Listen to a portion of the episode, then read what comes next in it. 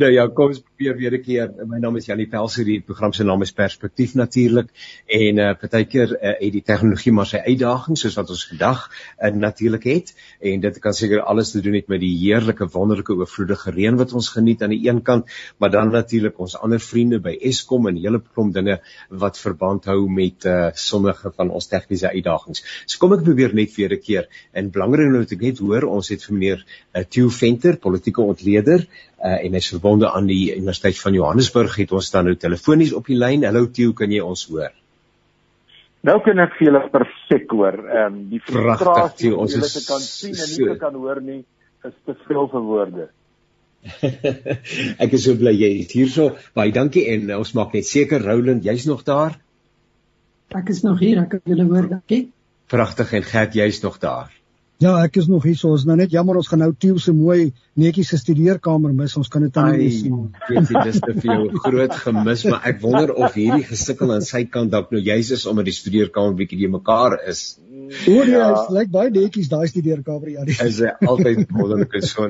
Nou broer Tieu, ons kan nou nie vir jou sien nie, so jy moet sommer net uh, net inspring asseblief met 'n opmerking en dis meer. Ehm um, soos wat ons luisteraars weet, praat ons in die program perspektief oor die dinge wat die lewe wêreld van Christene raak. En ek gaan juist nou net daarbey aansluit, maar uh, kom ons hoor net eers 'n bietjie want ek uh, net so in die verbygaan gehoor hier reg aan die begin en terwyl vir ons luisteraars uh Theo Venter en Roland en Gert is al drie uh, polities politieke amper sê politici maar is politieke wetenskaplikes ontleeders gerd weliswaar as 'n joernalis maar die dinge lê vir hom na in die hart is eintlik maar wat hy doen.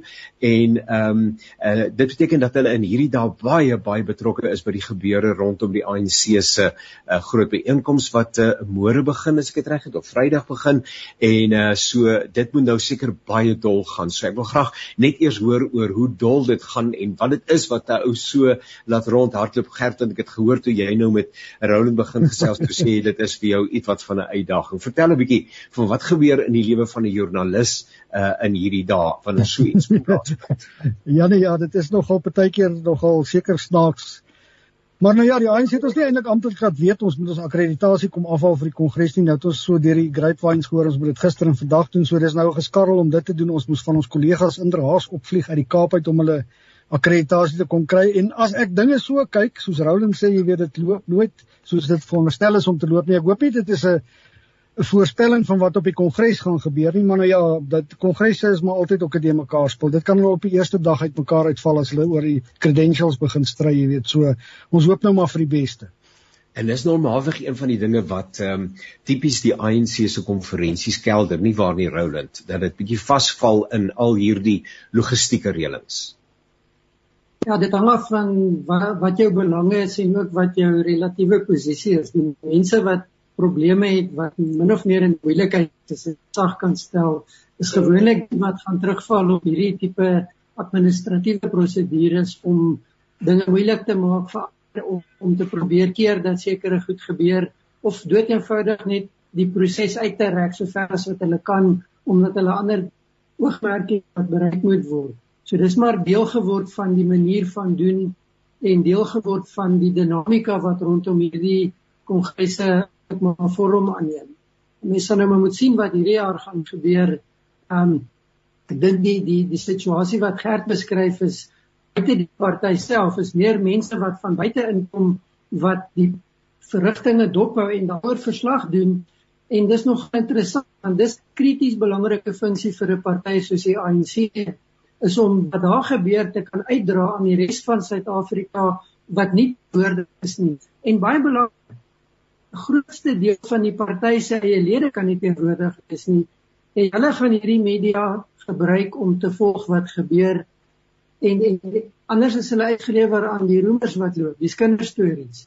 En daar's magdom van wat al met kongresse soos hierdie gaan. So dis vir my altyd vreemd om te sien dat 'n party soos die ANC dit nie kan kry om dit goed glad te laat verloop en maklik te maak en eintlik as dit ware die proses te vergemaklik wat hulle so opstakens afhanklik van is nie. Toe ehm um, daar's bykans nie 'n berig wat tans verskyn waarin jou naam nie genoem word nie. Dit beteken seker dat jy letterlik ek wil amper sê 24 uur per dag alert moet wees oor wat die nuutste. Het jy 'n klomp informante wat jou op datum hou met al die verskillende ontwikkelinge en verwikkelinge? Ja, ek wou dit daarom nou nie informant te noem nie. Dit klink daarom ehm um, 'n baie swaarwigtige term. Nee, kom kom kom ek sê vir jou daar is daar is daar is baie inligting wat vloei en die meeste van ons ek Gert Roland het netwerke, mense wie ons raadpleeg. Party is nader of verder van die vuur af. En die een ding wat hierdie tye, ek dink ons al drie op 'n gelyke mate raak, is die die tempo van politieke gebeure opeenvolgend. Ehm um, gister in die parlement, 2 dae van tevore, dit 3 dae van tevore dat dit ontneem jou daai ongelooflike bate wat 'n akademikus byvoorbeeld soek en dit is om so klein bietjie oor dinge te kan nadink, om so klein ja, bietjie ja. oor dinge te kan reflekteer en die onmiddellikheid en die, ja. die, die sosiale media en die goeters het natuurlik alles bygedra tot hierdie onmiddellikheid wat jy verloor in hierdie proses is perspektief. En ek dink ons grootste uitdaging, ek praat nou namens my en Roland in 'n in 'n mate is ek dink die belangrikste bate wat ons akademiese opleiding ons gee is 'n bietjie perspektief. En jy moet nou maar staat maak op jou perspektief terwyl dinge so vinnig hardloop en dan 'n laaste ding en dit sluit 'n bietjie aan by jou vraag. Ehm um, daar is daar is eintlik twee gelyklopende prosesse en 'n mens moet beide dophou. Die een is die formele proses. Die konferensie wat laat begin of die ou wat laat opdaag of 'n ou wat wat wat ook al in die formele kant selfs in die parlementêre kant plaasvind. Is een deel. Die ander deel is die informele kant. Met ander woorde, die gesprekke agter die skerms, die die onderlinge ooreenkomste, die die ehm um, die ooreenkomste wat sekere kandidate oor vreemde grense heen met mekaar het waarvan ons nie weet nie. En ja, ja. dan hoor jy hier 'n brokstukkie, jy hoor daar 'n brokstukkie en jou ehm um, jy moet nou maar jou jou historiese kennis en die bietjie perspektief wat jy opgebou het oor tyd moet jy maar gebruik om hierdie om hierdie ehm um, raaisel aan mekaar te sit en en en dit is interessant en die die laaste ding wat ek miskien wil sê is ons uh, tas op maar in die donker. Ek dink ons moet maar eerlik wees daaroor. Ons raai dikwels. Ehm um, kom ons met 'n geleerde raaiskoot, maar ehm um, op hierdie manier vorm ons eintlik deel van 'n proses wat die geskrewe geskiedenis uiteindelik van dit wat ons tans beleef erns te boekstel. Kollegas, kan ek vir julle vra, ehm um, ek bedoel die nuus word bykans oorheers op alle fronte en alle modelle van die nuus uh oor die gebeure uh van die afgelope paar dae en dan dis dit nou in die volgende week of wat voor lê. En nou is daar en kan daar ook mense wees wat sê weet jy ek kan nie verstaan waaroor ons so oorrompel word met nuus en so aan nie dit raak my nie. Ek het nie 'n belangstelling hierin nie. Um, ek gaan aan met my lewe en politiek is totaal buite my verwysingsraamwerk. Waarom is dit belangrik dat Jan publiek gewone mense, grondvlak mense, ongeag nou aan watter party hy sou met watter party hy sou affilieer indien hy hoegenaamd affilieer met 'n party. Watter implikasies het die gebeure van die afgelope dae byvoorbeeld en dan met name die uh, kongres wat voorlê vir gewone mense wat met hulle voete op die aarde hier rondstap, werk toe gaan, huis toe kom, kerk toe gaan, inkopies doen ensovoorts ensovoorts kan ek sommer by jou begin Gert, jy moet sommer net met mekaar vrymoedig aanvang asseblief. Hoekom al die gefaf met al die goeders man en nou die koerante ook. Ek bedoel as al wie jy lees, staan nie iets anders waaroor jy kan skryf nie. Ja, baie mense kla daaroor. Ek het verlede week vir Query Montage gesê dis vir julle ouens besig. Hy sê as dit nie vir ons was nie, dan het jy nie 'n werk gehad nie. So dit is net 'n mate waar nie, maar kyk tog raak die politiek Roland en Tieu sal baie beter as ek weet, maar die politiek raak tog elke vlak van die lewe. Dit raak tog jou daaglikse bestaan. Dit hang tog af wie die regering want die regering is verantwoordelik vir Eskom. Hy's verantwoordelik vir dienslewering. Hy's verantwoordelik vir jou skole, al daai tipe van goede. So dit raak jou regtig diep en jy moet kyk watter mense aan bewind kom, wat hulle gaan doen. Dit is tog belangrik om om dit te weet. Jy weet, jy moet ook so stuur hulle wat baie oor die toekoms, weet sulke scenario's skets. Dis baie belangrik om te weet as daai een gaan in bewind kom, gaan dit en dit gebeur of dit en dit word verwag. So 'n mens kan glad nie die politiek net ignoreer nie. Jy kan seker moeg raak daarvoor. Ons raak ook moeg daarvoor want daar gebeur elke week net te veel. Iemand ja. sê nou die dag, jy weet, Die Chinese het, het, het, gesê jy weet jy mag jy in interessante tye leef. Ons tye is baie interessant, maar sy sê toe vir my sy wens dit kan 'n bietjie minder interessant wees. Want dit is regtig so Steve sê dit gaan net aan en aan en aan en ons sit nou met die nuwe sosiale media, jy weet ons moet elke ding lewendig doen. Dit raak baie rof en ons verskaf dikwels nie genoeg perspektief nie. Dikwels is daar nie tyd om perspektief te verskaf nie. Dis ja. hoekom ons met mense soos Roland en Theo praat. Hulle gee vir ons 'n perspektief. Jy weet maar ek dink is baie meer belangrik om hierdie dinge mooier in perspektief vir mense te stel. Ja, maar ongelukkig het die nuusmonster nou deesdae so geword, alles moet dadelik gedoen word. Ja, jy weet ja. en, en en dit is dit ek ek, ek weet nie altyd of dit 'n goeie ding is. Ja, ja nie kan ek miskien kan nie die regering kwaliek neem vir Eskom so Roland en natuurlik ek hoor jou dan in die agtergrond jy moet gerus praat Roland maar kom ons sê Roland ek sien hom en sy lippe is gereed om te praat. Ja, ek ek wil aansluit by ehm um, ons moet baie mense ek kry dit nogal gereeld dat mense vir my sê ek lees glad nie meer koerant nie ek kyk nie televisie nie ek is so bly om 'n bietjie met jou gesels net om op te vang en perspektief te kry dit maak my ja. bang ja dit beteken iemand van gee dit oor hou en hy gaan nou vir my sê ja dis natuurlik 'n ongesonde situasie ehm um, feit is dat wat in die politiek raak is almal elke dag. Die akademiese antwoord sê vir jou as jy daai ligskakelaar druk in die lig gaan aan, dan is dit met die regering wat jy te doen het. As jy in die straat geroep wat het jy met die regering te doen. Ek dink waar ons vandag in Suid-Afrika sit, het ook 'n ander konteks.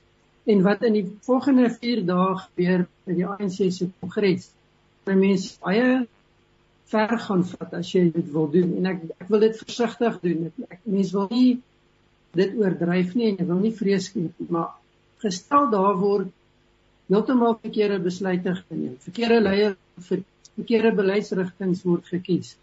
Dan gaan ons in volgende week die effek daarvan voel in pryse. Brandstof wanneer se waarde gaan val. Ja. Oor 3 maande gaan ons die effek sien in werkloosheid wat styg. Ja. Ehm um, as dit baie dramaties ons weet wat in Venezuela gebeur het, wat in Zimbabwe gebeur het. Dan oor 'n jaar van nou af sit ons met 'n inflasiekoers van teoreties 400%. Want dis wat in Zimbabwe gebeur het. Dit beteken ons is oornag heeltemal verarm.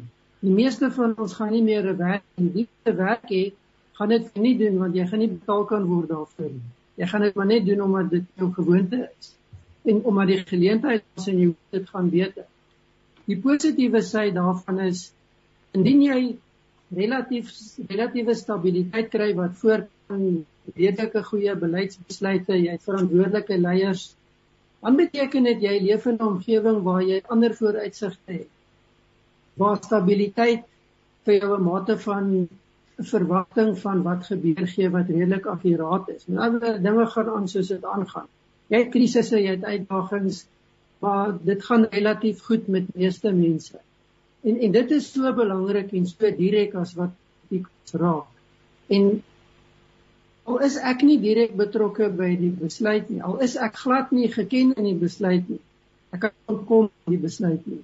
En ek dink die ander realiteit wat baie mense nie altyd mooi aan dink nie is jy kan nêrens heen gaan waar jy nie onderworpe is aan politieke regering. Daar's nie so 'n plek in die wêreld nie. Ja.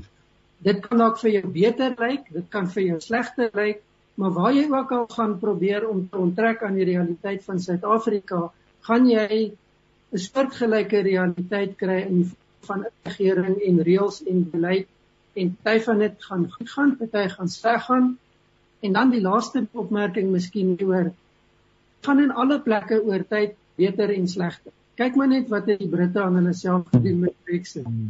So kan 'n mens aangaan met voorbeelde. Broertjie, kom ons hoor wat sê jy? Ja, boonbehalwe al die politiek uh, is ons nou nog so hier en daar uh, ook in staat verplig om na die sokkerwêreldbeker op te kyk. So dit is nie net een een uh, soort van impak op ons lewens nie, maar ek wil ek wil 'n bietjie teruggaan na die na die oorsprong van die term politiek toe. Ons het dit by die Grieke gekry en die ja. stam naam daar is politeia En mens kry dit nou nog vandag in 'n paar woorde soos 'n metropool en of 'n polis en alles wat daarmee saamgaan. En dit is in gewone spreektaal niks anders nie as die stadsplein. Nou ja. as ons nou 3000 jaar teruggaan en jy het mark toe geloop en jy wou uitvind wat in die land aangaan, jy draai oor die stadsplein geloop en dan het jy natuurlik geweet wat aangaan. Uh op ja. die stadsplein is daar besluit of waar oorlog gemaak gaan word en of waar vrede gemaak gaan word of wat ook al. Daai stadsplein het oor die laaste 3000 jaar eintlik in ons huise inbeland. Jou TV-skerm waar jy nuus kyk, vat jou eintlik na die stadsplein toe. Jou koerant wat jy lees, jou telefoon, jou WhatsApp, jou watter watter sosiale media jy ook al gebruik. So ehm um, ek ek weet daar's mense wat wat baie negatief en sinies oor die politiek voel, maar ek wil by my twee kollegas aansluit. Dit is dit is net so belangrik as wat die kerkplein vir jou is, is die stadsplein ook vir jou. Jy moet maar kennis neem wat daar rondom want as jy nou nie gereeld op die stadsplein kom nie, dan mag jy dalk uitvind die kerkplein raak vir jou geslote of daar word besluite oor jou optrede geneem waarvan jy geen sê gehad het nie. So ek ek kry dieselfde vraag as as Roland en ehm um, partykeer vra jy as my nog 'n moeiliker vraag en dan sê hulle vir my is daar nie net een boek wat ek kan lees wat al hierdie goeie sê nie en dan is die negatiewe of die slegte antwoord gewoonlik vir die ou jong ek weet nie ek ek ek het 'n perspektief opgebou oor 'n paar jaar en ehm um, ongelukkig het ek nou nog nie daaroor 'n boek geskryf nie so nee daar is nie een boek wat vir jou alles gaan verduidelik ten minste nie in die politieke wêreld nie In die wêreld waar jy kom Jannie, is daar 'n beslisste boek, maar nie aan ons kant nie. nou ja, en, en wat die politiek, politiek betref, teen die tyd dat die boek verskyn, uh, dan is dit ook alweer ou nuus. Nietemin, ek is so dankbaar dat julle hierdie perspektiewe ehm uh, stel, uh omdat ehm um, mense baie keer sê maar 'n program soos byvoorbeeld perspektief op 'n Christelike radiostasie. Uh on, on, ons moet daarom nou met die Bybel besig wees. Maar ons is eintlik met die Bybel besig, want die die die woord van die Here sê dat ons moet bid dat die koninkryk van God op aarde moet kom en in aansluiting by dit wat julle sê is uh die wyse waarop die politiek van die dag uitspeel het 'n implikasie vir die manier waarop die koninkryk op aarde kom. Maar nietemin, kom ons gesels oor die gebeure uh gister so 'n bietjie opsommend en so aan. En ehm um, ek sou graag wil vra julle julle perspektief en die woord perspektief is nou 'n belangrike woord vandag lyk met ons program. Julle julle uit uitkyk um, rondom gister. Ek wil tog net ter aanvang vra as ek nou moet stem, want dit was die ene wat oor gewonder het en my stem word gehoor. Almal weet presies waarvoor ek stem. Watter vrymoedigheid het ek dan nou om te sê uh ek stem teen die populêre uh, of die dit wat aan my voorgeskryf is in. Uh, dit was 'n krisis. Wat was die rede dat ehm um, daar besluit is nee, dit dit gaan nie 'n geheime stemming wees nie. En hoe geloofwaardig maak dit met ander woorde eintlik die gebeure van gister? Ja, ons mense wat is dat die idee in die parlement is nie om geheime stemmings te hê nie. Dis 'n plek vir openheid, vir ja. gesprekvoering, vir uitneming, vir debatvoering En dit word eintlik nie in die geheim gedoen nie. Dis 'n uitsonderlike omstandighede wat 'n mens 'n geheime stemming gaan kry in 'n demokratiese parlement wat ek ja. dit kwalifiseer. Um die ander idee wat daarmee saamgaan is dat 'n uh, verteenwoordiger behoort vry te kan stem. En dan weer ek stem volgens my gewete of volgens die belang wat ek dien ons in Suid-Afrika nou kry en en dis 'n historiese konteks van die Westminster stelsel wat ons het is dat jy ook die saam die van partydissipline en caucus besluitneming kry. En dan kry jy waar partye en al die partye doen dit, nie net die ANC.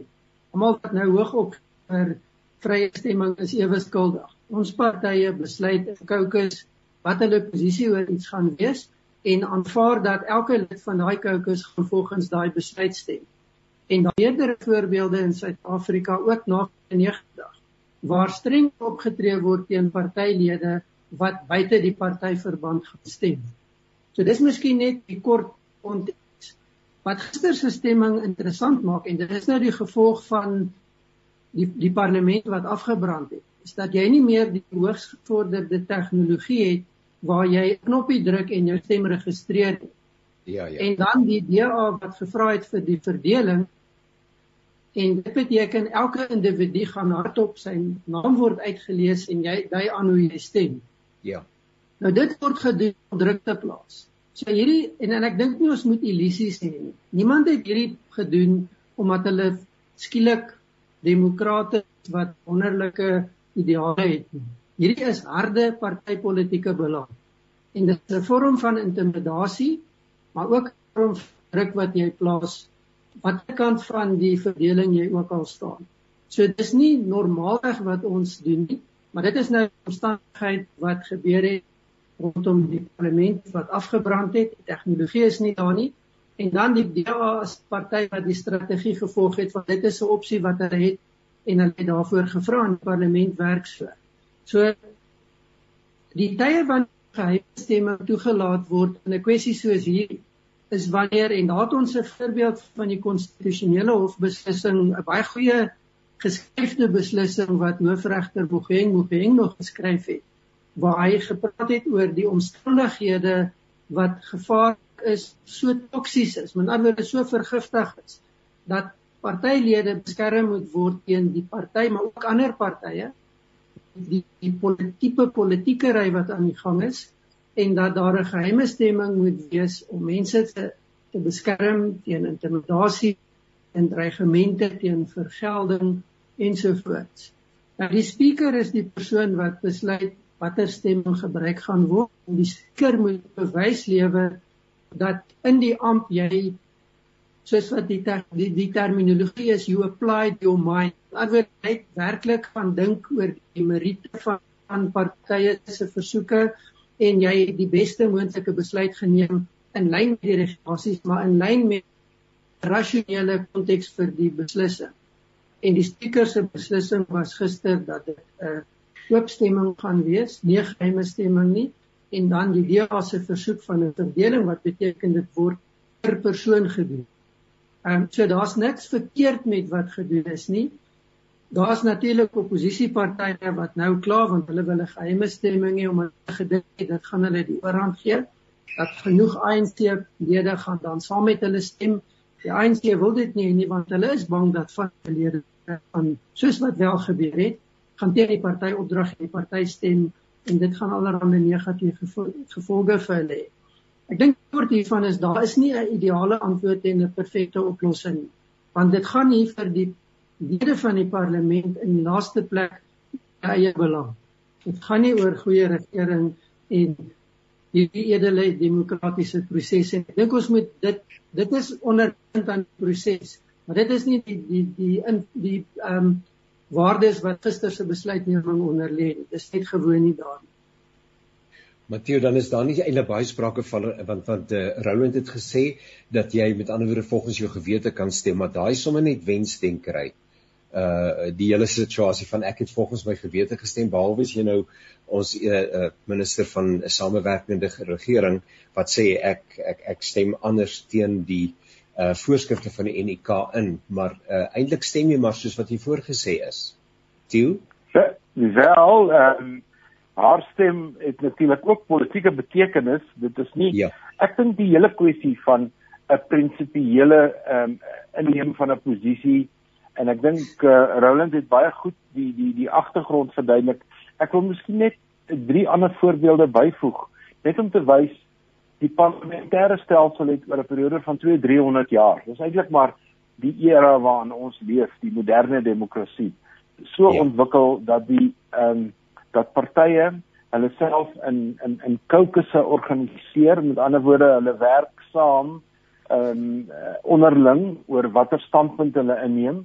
En dan is dit natuurlik 'n kompetisie vir politieke mag in die parlement. En die voorbeelde wat ek wil noem is twee keer het het het Donald Trump wat my aanbetref verdien om om in 'n staat van beskuldiging te beland of geïmpeach te word. En twee keer het die Republikeinse party laer getrek om hom nie omdat Donald Trump reg was of omdat hy ja. verkeerd was of omdat ja. daar een of ander beginsel buiter sprake was nie maar dit was ja. rondom die posisie wat hy in die kongres gehandhaaf het en in belang van die party en ja. ons kan 'n soortgelyke voorbeeld rondom ehm um, Boris Johnson noem. Uh, Johnson is vir een of twee keer beskerm deur sy ja. eie party, maar daarna het hy sy politieke kapitaal opgebruik en toe is hy nou maar vir die wolwe gegooi soos die die die die dame wat hom opgevolg het. Ehm um, so die politiek is 'n harde spel en 'n mens het respek vir politici wat in hierdie harde spel in staat is om 'n prinsipiële posisie te bly handhaaf. Daar is enkeles van hulle. En die die die die berekening wat die ANC gedoen het, dink ek, was dat as daar 'n geheime stemming sou wees, sou daar ja, ja. waarskynlik 'n groter groep van ons eie lede gewees het wat teen ons sou gestem het. En dit het weliswaar gebeur in die Zuma periode toe daar volgens berekening tussen 20 en 30 kan selfs 40 ANC lede was wat vir 'n DA mosie gestem het juis in daai toksiese tyd die woord wat ehm um, Roland gebruik het, daai toksiese tyd van Jacob Zuma en en twee van daai mense wat daai tyd gestem het, ehm um, was bereid om hulle stem te verklaar. Die een was Derek Hanekom en die ander een was Pravin Gordhan wat gesê het ek ten spyte daarvan dat dit 'n geheime stemming is, sal ek vir julle sê waar het ek gestem. En mense het respek vir sulke politici, maar ek dink ons moenie ehm um, um, die die die politiek in die parlement veroor romantiseer nie. Hierdie is 'n harde ehm um, politieke spel. Dit gaan oor mag, dit gaan oor posisie en uiteindelik is die is die een ding waar die ANC uh, en dit moet ek nou sê die ANC is wat my betref swak in terme van partydissipline. Met ander woorde, hou die lede by die voorskrifte van die party. Stem hulle soos die partybeleid hulle voorskryf om te stem. En daar is baie baie lede wat dit nie doen nie. Die ou nasionale party was baie streng oor partydissipline, so ook uh, ander partye wat ek kan noem.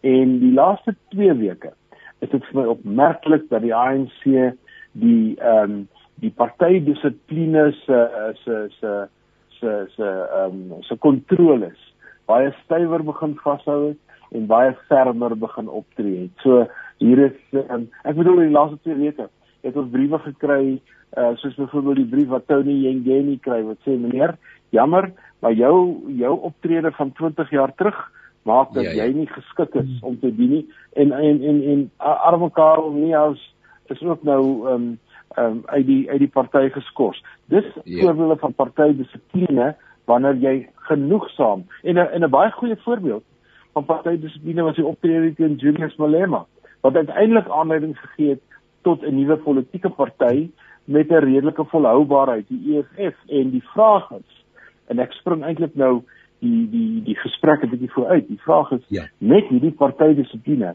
hoe gaan dinge lyk nadat die ANC se konferensie klaar is? Ehm um, berei dit die weg voor vir groter partyeenheid of berei dit die weg voor vir nog groter verdeling? Die uh stemmery 214 en 148 uh stemme wat dan nou ja onderskeidelik ja nee uh, gestem het nee uit die aard van die saak dat die verslag uh van die uh artikel 89 paneel nie aanvaar word nie. Hoe interpreteer 'n mens gerd die uh die 214 248 is daar enige iets wat 'n mens daarin sien. Ehm um, 148 geseker nie min nie. As 'n mens toe dink die verskil tussen 148 en 214 is rondom 60 stemme. Ehm um, is daar is dit aanduidend daarvan dat daar 'n 'n groter wordende teestand is uh, en 'n groter wordende eenheid is tussen oppositiepartye byvoorbeeld. Wat kan mens aflei uit hierdie getal? Maar kyk die oppositiepartye het van die begin af uh, saamgestaan oor hierdie aspek Janie, maar ek dink daar was net 134 stemme gister nodig om dit om die verslag te aanvaar. So mense verwag dat die oppositiepartye sou gaan stem en mense verwag dat die ANC sou gaan stem. Jy weet daar is 'n paar probleme met die verslag. Die verslag lyk nie baie goed saamgestel nie. Ja. Stewel een keer vir my gesê het hulle hulle moes hulle die president skuldig bevind en probeer versag met 'n paar woorde soos mag en dalk en kan. Jy weet en dis waarom hy dit persiening geneem het. Ek dink dit is sy goeie reg om dit op persiening te neem sodat daar gaan kan gekyk word na die verslag. Baie mense het ook gister gesê weer daar is nie voldoende getuienis in daai verslag nie. Daar moet boeier gekyk word na die mense met wie hulle gepraat het. Uiteindelik eh, is die getuienis maar net die wat voorgeles deur die UDM, die EFF en en die ATM, jy weet, so mense moet mense sal graag baie meer standvastige bewyse wil sien. Dit is duidelik dat daar ergens iets verkeerd is. Ergens het iets verkeerd geloop met die Pala Pala aangeleentheid. Ergens moet die president daarvoor tereg staan. Maar ek weet nie of dit die verslag voldoende is om dit te doen nie. En ek dink die oppositiepartye het maar net oppositieparty politiek gespeel en uiteraard teen die ANC gestem. Jy weet maar maar ehm um, ek dink regtig 'n mens moet baie meer kyk na die na die manier waarop die parlement mense verantwoordbaar hou. Uh daar's nou mense wat sê uh uh, uh, uh, Dlamini Zuma het regtig gestem en daardeur gewys dat mens die uh, uitvoerende gesag moet verantwoordbaar hou alhoewel mense nou sal sê sy het nou ook maar net weens politieke redes daaroor gestem maar ja. ek dink regtig mense moet baie mooier kyk na die verslag Eintlik sal die beste manier wees seker maar as jy 'n parlementêre komitee het wat die president ondersoek, maar ek dink nie die ANC wil dit nou hê nie want dit kan tot chaos aanleiding gee, dit kan tot verdere verdeeldheid in die party aanleiding gee.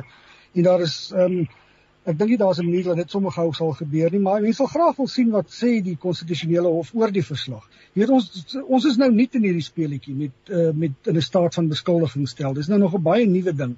So ja. ons sal graag soos Tieu ook al reg opgemerk het, mense sal graag dat die hoogste hof in die land wil 'n uitspraak lewer oor hierdie goed. Mense wil 'n bietjie leiding van hulle af wil kry. So wat sê sin daarvan dat uh, wat klink nog my asof jy sê Gert dat die prosedure uh, wat die staatspresident volg naamlik om hom te beroep op die konstitusionele hof dat dit steeds voort sou gaan. Wat is ja, die sin daarvan? Wat is die sin daarvan in die lig daarvan dat Ja, ek dink nogal regtig daar sin daarin dink ek omdat omdat die verslag lyk regtig nie baie goed nie. Jy weet daar's baie baie gebreke in die verslag. En 'n mens voel dit te sy reg soos soos Brett Herren dit gister duidelik gestel het, dis sy reg om dit op hersiening te neem. Hy wou eintlik gehad het die parlement moes eers daaroor besluit het nadat dit op hersiening geneem is. Daar's nou weer soos mense soos Julius Malema wat sê ons het nou net baie tyd en baie geld gemors met hierdie proses want almal eintlik het almal voorspel voor die tyd die ANC ja. gaan laer trek om die president en dat die verslag Gert, Gert kan ek miskien net hier 'n by, byvoeging maak by wat jy gesê het. Kyk die president het toe hy gesê het hy gaan na hy gaan direk na die konstitusionele hof toe. Mm. Het hy dit nie op 'n dringende basis gedoen nie. Met mm. ander woorde, hy het doelbewus besluit om nie die parlementêre proses te ondermyn nie, maar dat die dat die parlementêre proses moet aangaan met wat hulle doen. Nou wat nou uiteindelik gebeur het met die stemming is daardie dokument is nou van die tafel afgevee. Maar hy lê nog op die rekord hy's uh, leesbaar vir elke mens. Hy kan deur oppositiepartye gebruik word en dis meer. Die feit dat hy nou na die Hooggeregshof toe gaan of die uh, konstitusionele hof en vra dat die verslag tersyde gestel moet word. Die regsbetekenis daarvan is as hulle vir hom gelyk gee, dan beteken dit daar het nooit so 'n verslag bestaan nie. Dis 'n dis 'n nulliteit in die reg. Dit is met ander woorde weggevee van die rekord af. En ek dink dit kan dit gaan nog lank vat, maart maand, miskien april maand gaan dit gebeur, maar op daardie stadium sonder om nou die veld waarna ek so lank uh, geopereer het uh te, te na te kom, is dit dan eintlik van akademiese belang. Ehm um, wat hulle dan bevind. Die die politieke geveg is gister gewen. Gister die ANC oor die hekkie gekom wat noodsaaklik was om minstens hulle konferensie sinvol te kan hou in die volgende 4 dae. Ja, soos Ronald Lamola het gister reg opgemerk, dink ek wat hy gesê het die ANC, die president het, het met sy indruk wat nie dringend was nie, het hy gewys hy hardloop nie weg van die debat af nie. Daarom is die debat gister gehou en dit wys vir jou daar is nog 'n sekere mate van van, van verantwoordbaarheid het hy dit nou gestel. Maar ja, soos hy gesê het as die president nie die die, die debat wou gehad het, sou hy inderdaad daarteen gekry het. Nou goed, nou lê uh, in die volgende dag van 'n Vrydag tot en met die 20ste, as ek my datums min of meer reg het, 16 tot 20, lê dan nou die ANC se leierskonferensie. Hoe het ek gesien wat se term wat gebruik word? Uh die kieskonferensie, die komende kieskonferensie van die ANC, die lê nou voor. Nou in die lig van dit wat die afgelope dag en 3 gebeur het, dan in besonder gister, is dit nou afdraande pad vir meer Ramaphosa ten minste wat met ander woorde die die leier van die ANC betref daai posisie uh is dit nou uitgemaakte saak uh dat Meira Ramaphosa inderdaad as die leier van die ANC uh aangewys sal word, verkies sal word by daardie konferensie. Tieu Kyk, hoe hoe kan die ANC grondwet um, um, die ANC grondwet maak net melding van een konferensie en dis 'n nasionale konferensie waar tydens daar ook 'n verkiesing plaasvind. Maar in die ja. media ja sien ek al hoe meer mense verwys na sogenaamde elective conference. Ek dink dit is 'n bietjie populêre verwysing. Die formele naam is die nasionale konferensie wat twee dinge doen. Hy hy, hy verkies um, nie alleen die top 16 maar hy verkies ook 80 lede van die nasionale uitvoerende komitee en hy keer beleid goed en hy keer wysigings tot die grondwet um, goed. Dis alles wat wat moet gebeur. Maar ehm um, as hulle as hulle hierdie konferensie hou, nie een van die nominasies eh, wat op daai lys is, kan ek vandag vir jou met um, met um, sekerheid sê gaan verkies word. Daar is um, daar is definitief genoegsaam onsekerheid in hierdie konferensie om uh, om dit nog op dag 1 en dag 2 onseker te maak. Kom ek gee 'n voorbeeld. Hulle kan alhoewel dit vir my lyk van waar ek sit dat Ramaphosa beslis die president gaan wees. Uh dat ehm um, Willem Kiese bied nie eintlik uh werklike teenstand nie. Is die interessantheid ja. dat Pala Pala het veroorsaak dat die fokus nou baie sterker op die adjunkt president lê as op die president want almal weet of almal het 'n ja. aanvoeling dat hierdie president wat ons het as president van die ANC en as staatshoof waarskynlik nie sy termyne volledig gaan uitdien nie. Dat daar ergens aan die pad 'n tyd gaan kom waar hy gaan sê ek het genoeg gehad ek tree nou uit of so iets. Daarom is die het die hele konferensie se fokus verskuif na wie gaan dan die adjunkt president wees want dit gaan oor opvolging en dit gaan oor die stabiliteit in die ANC self. Roland, dit is interessant wat eh uh, Theo nou sê, die feit dat daar veral fokus op die adjunkt president is. As ek nou van die berigte wat Sondag in die rapport verskyn het interpreteer, dan lyk dit asof baie mense sê ons president se fit is uit. Hy's nie meer lus eh uh, vir al hierdie gesukkel eh uh, ensovoorts ensovoorts nie. Ehm um, uh, so so teen daardie agtergrond en ook dan nou my vraag rondom meneer Ramaphosa, is die meeste wat ons kan sê is daar lê vir ons 'n groot verrassing voor uh, dalk ek is nie seker daarvan nie. en ek dink 'n mens moet gaan gaan mooi kyk na wat besig is om te gebeur. Ehm um, dit was baie duidelik dat tot voor Palapala ontplof het dat Ramaphosa nie werklike teenstand het nie en dis baie duidelik dat hy nog steeds nie werklike teenstand het nie. Daar's nie iemand wat kan oorneem en instap en aangaan. En ek dink dit is waarom daar soveel druk op hom was aan te bly en aan te beklei. Want dit is baie duidelik dat hy en die stories loop baie lank te laat. Hy's nie meer lus hiervoor nie. Um hy wil aangaan met ander goed in sy lewe. Hy wil gaan met sy wildboerdery aangaan en sulke. So die ja. stories en die gerugte daarvan loop. Uh was ook waarskynlik twee ander dimensies en dit is 'n uh, verantwoordelikheid wat hy net as president van die ANC en die plek dat net eenvoudig kan omdraai en wegstap nie. Dis nie die kultuur of die tradisie van die ANC nie. En dan die tweede dimensie daarvan is dat in elk geval nie net kan wegstap nie want daar's baie ander aspekte wat dan ter sprake gaan kom. En dit bring ons terug by hoe werk die party met leierskap. En daar's twee argumente breedweg binne die ANC konteks. Die eerste een is dat daar's 'n tradisie dat die adjunkt president word die volgende sit wanneer die termyn verby is en dan is daar 'n argument wat gekom het saam met Zuma wat sê nee dis nie noodwendig die geval nie. Uh, so dit hang waar jy in die ANC staan en wat jou gaan pas watter argument jy gaan volg. Um ek het 'n vermoede dat in die konteks van waar ons nou is weet ons die huidige adjunkt president is nie eers naby aan die moontlikheid nie gaan uittreë as adjunkt president van die ANC. Daar gaan iemand nuut kom. Maar die verwagting word geskep dat die nuwe persoon gaan opvolg. Ja. Die vraag nou is wanneer gaan daai opvolg gebeur?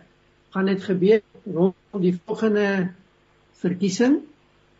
Dan word na 2024 tussen 2024 se algemene verkiesing en die volgende ANC nasionale konferensie. Hmm. Dis gewoonlik wat gebeur. Of gaan dit vroeër gebeur omdat meneer Ramaphosa gaan loop of gedwing gaan word om te loop?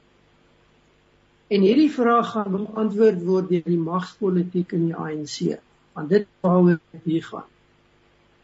Weereens, ek het geen illusie nie. Hierdie debatte rondom Palapala het niks te doen met goeie regering en aanspreeklikheid nie. Dit het te doen met mag binne die ANC en dit het te doen vir oppositiepartye met hoe ver hulle die ANC kan verswak. En hoe vinnig hulle dit kan doen. En hulle sien 'n geleentheid in die verswakking van meneer Ramaphosa wat net so belangrik is as wat sy oppositie in die ANC sien. Want sonder hom is die ANC definitief baie swakker. So so dis die agtergrond wat in hierdie debatte uitspeel waar jy mense moet gaan kyk na die verkiesing en die opvolgdebat wat definitief nou lewend is binne die ANC al word dit nie noodwendig so groot klok gehang nie. Daar's natuurlik ook tegniese elemente hier ter sprake. En dit is dat indien 'n president uittreë ter ook al die nuwe persoon wat instaan meer as 2 jaar in daardie amp is, dan tel dit as 'n volle termyn. En dit beteken dat iemand soos die nuwe inkomende adjunkpresident van die ANC gaan dalk nie heeltemal so gelukkig daarmee wees nie, want dit beteken jy kan net een volle termyn dien daarna indien jy verkies sou. So so daar's baie persoonlike belange, daar's partybelange, daar's 'n hele klomp faktore wat hierdie debat beïnvloed en bepaal hoe mense funksioneer en en hoe hulle hierdie proses gaan probeer dryf. Ehm um, En ek dink dit maak en ek wil met jou saamstem, dit maak dat 'n mens baie versigtiger is om uitsprake te maak oor wat in die volgende 4 dae gaan gebeur. Ek het 'n vermoede soos dit nou staan dat meneer Ramaphosa waarskynlik sal verkies word.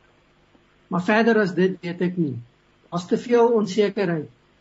Nog belangrik dat ons ook sien die die Theo het vroeër gepraat van die agter die skerms onderhandelinge dat selfs 'n provinsie soos Limpopo wat baie sterk agter meneer Ramaphosa gestaan het, in gesprekke met KwaZulu-Natal se leiers was vir 'n kompromis ooreenkoms meneer Ramaphosa sou uit En dit sê vir 'n mens hoe vloeibaar die situasie is en en hoekom ons baie versigtig moet wees om nou te seker te wees van watter tipe uitkomste ons in die vooruitsig stel ek dink die, die hierdie is die een kongres waar die finale besluit op die vloer geneem gaan word en en ons gaan almal wag om te sien wat dit gaan wees. Nou dit lyk my dat ons in is vir 'n paar baie interessante dae. Dit is absoluut so. Ek verwonder my oor waar 4000 afgevaardigdes gehuisves word en alles wat daarmee saam is. So ek vermoed Gert, jy sal seker 'n slaapsak vat en daarna gaan ek jou geld tuis maak soos die ouens by die lughawens doen, 'n bottel water of 'n fles koffie, want ek dink nie jy gaan baie ver daarvan af kan wegbeweeg nie en ek dink ook dat die byeenkomste seker maar tot in die middernagtelike ure sal duur omdat die mense nie klaar kry met sekere goed wat op die agenda is nie.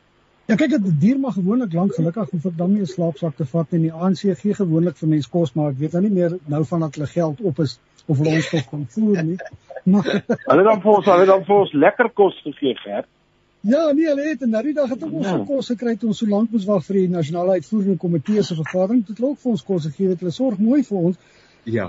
Maar nou ja, dis waar wat Roland en Theo sê, dis baie onseker nie en daar's baie meer aandag met al die mense wat ek al vanoggend gepraat sê, daar gaan baie meer aandag wees op die verkiesing van die adjunkt president. Almal dink ja. Mashatile gaan dit maklik haal, maar die mense voorspel ook dat dat, dat uh, Ronald Lamola sterker na vore sal kom omdat hy deur die Ramaphosa kamp ondersteun word.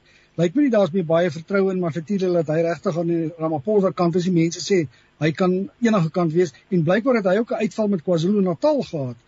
Mashitile wat eh, dalk ook teen hom gaan tel hoor ek nou maar vanmôre. So mense sal nou maar moet sien hoe hierdie goed gaan uitspeel. Maar nou ja, solank ons daarom nou net uh, krag daar het Janie dat ons daarom so af en toe verslag kan doen, dit sal seker daarom baie help. Dit klink so baie baie. Toe toe is 'n laaste opsommende uh, opmerking van jou kant af. Kyk, ons is in 'n baie interessante tyd en ons ons beleef hierdie elke 5 jaar.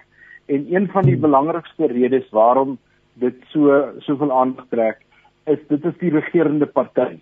En vir 'n baie lang tyd was die regerende party eintlik ongeopponeer in alles wat hy doen.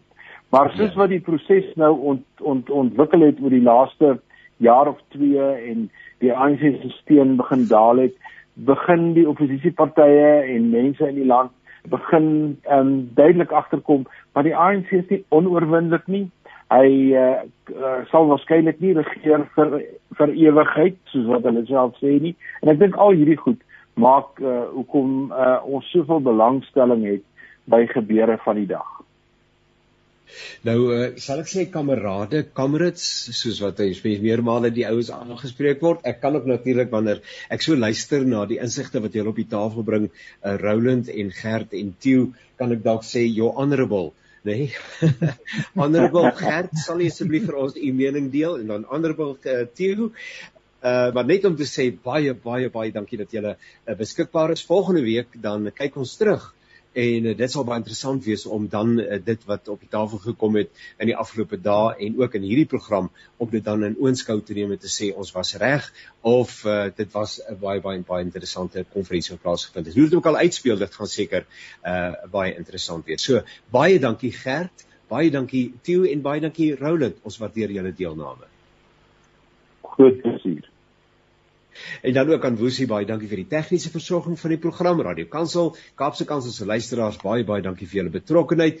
Volgende week as die Here se se wil daarbey is, dan praat ons weer 'n keer met mekaar en ons sluit aan en ons kyk terug en ons wonder wat het gebeur en natuurlik wat die implikasie daarvan is vir die pad vorentoe want dit is steeds nie die einde nie.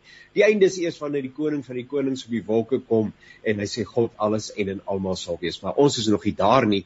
Intussen is ons hier en het ons 'n opdrag om uh, gestalte te gee aan die koninkryk van die Here. Baie baie dankie weer eens vir julle inskakel en tot 'n volgende keer. Alles wat mooi is.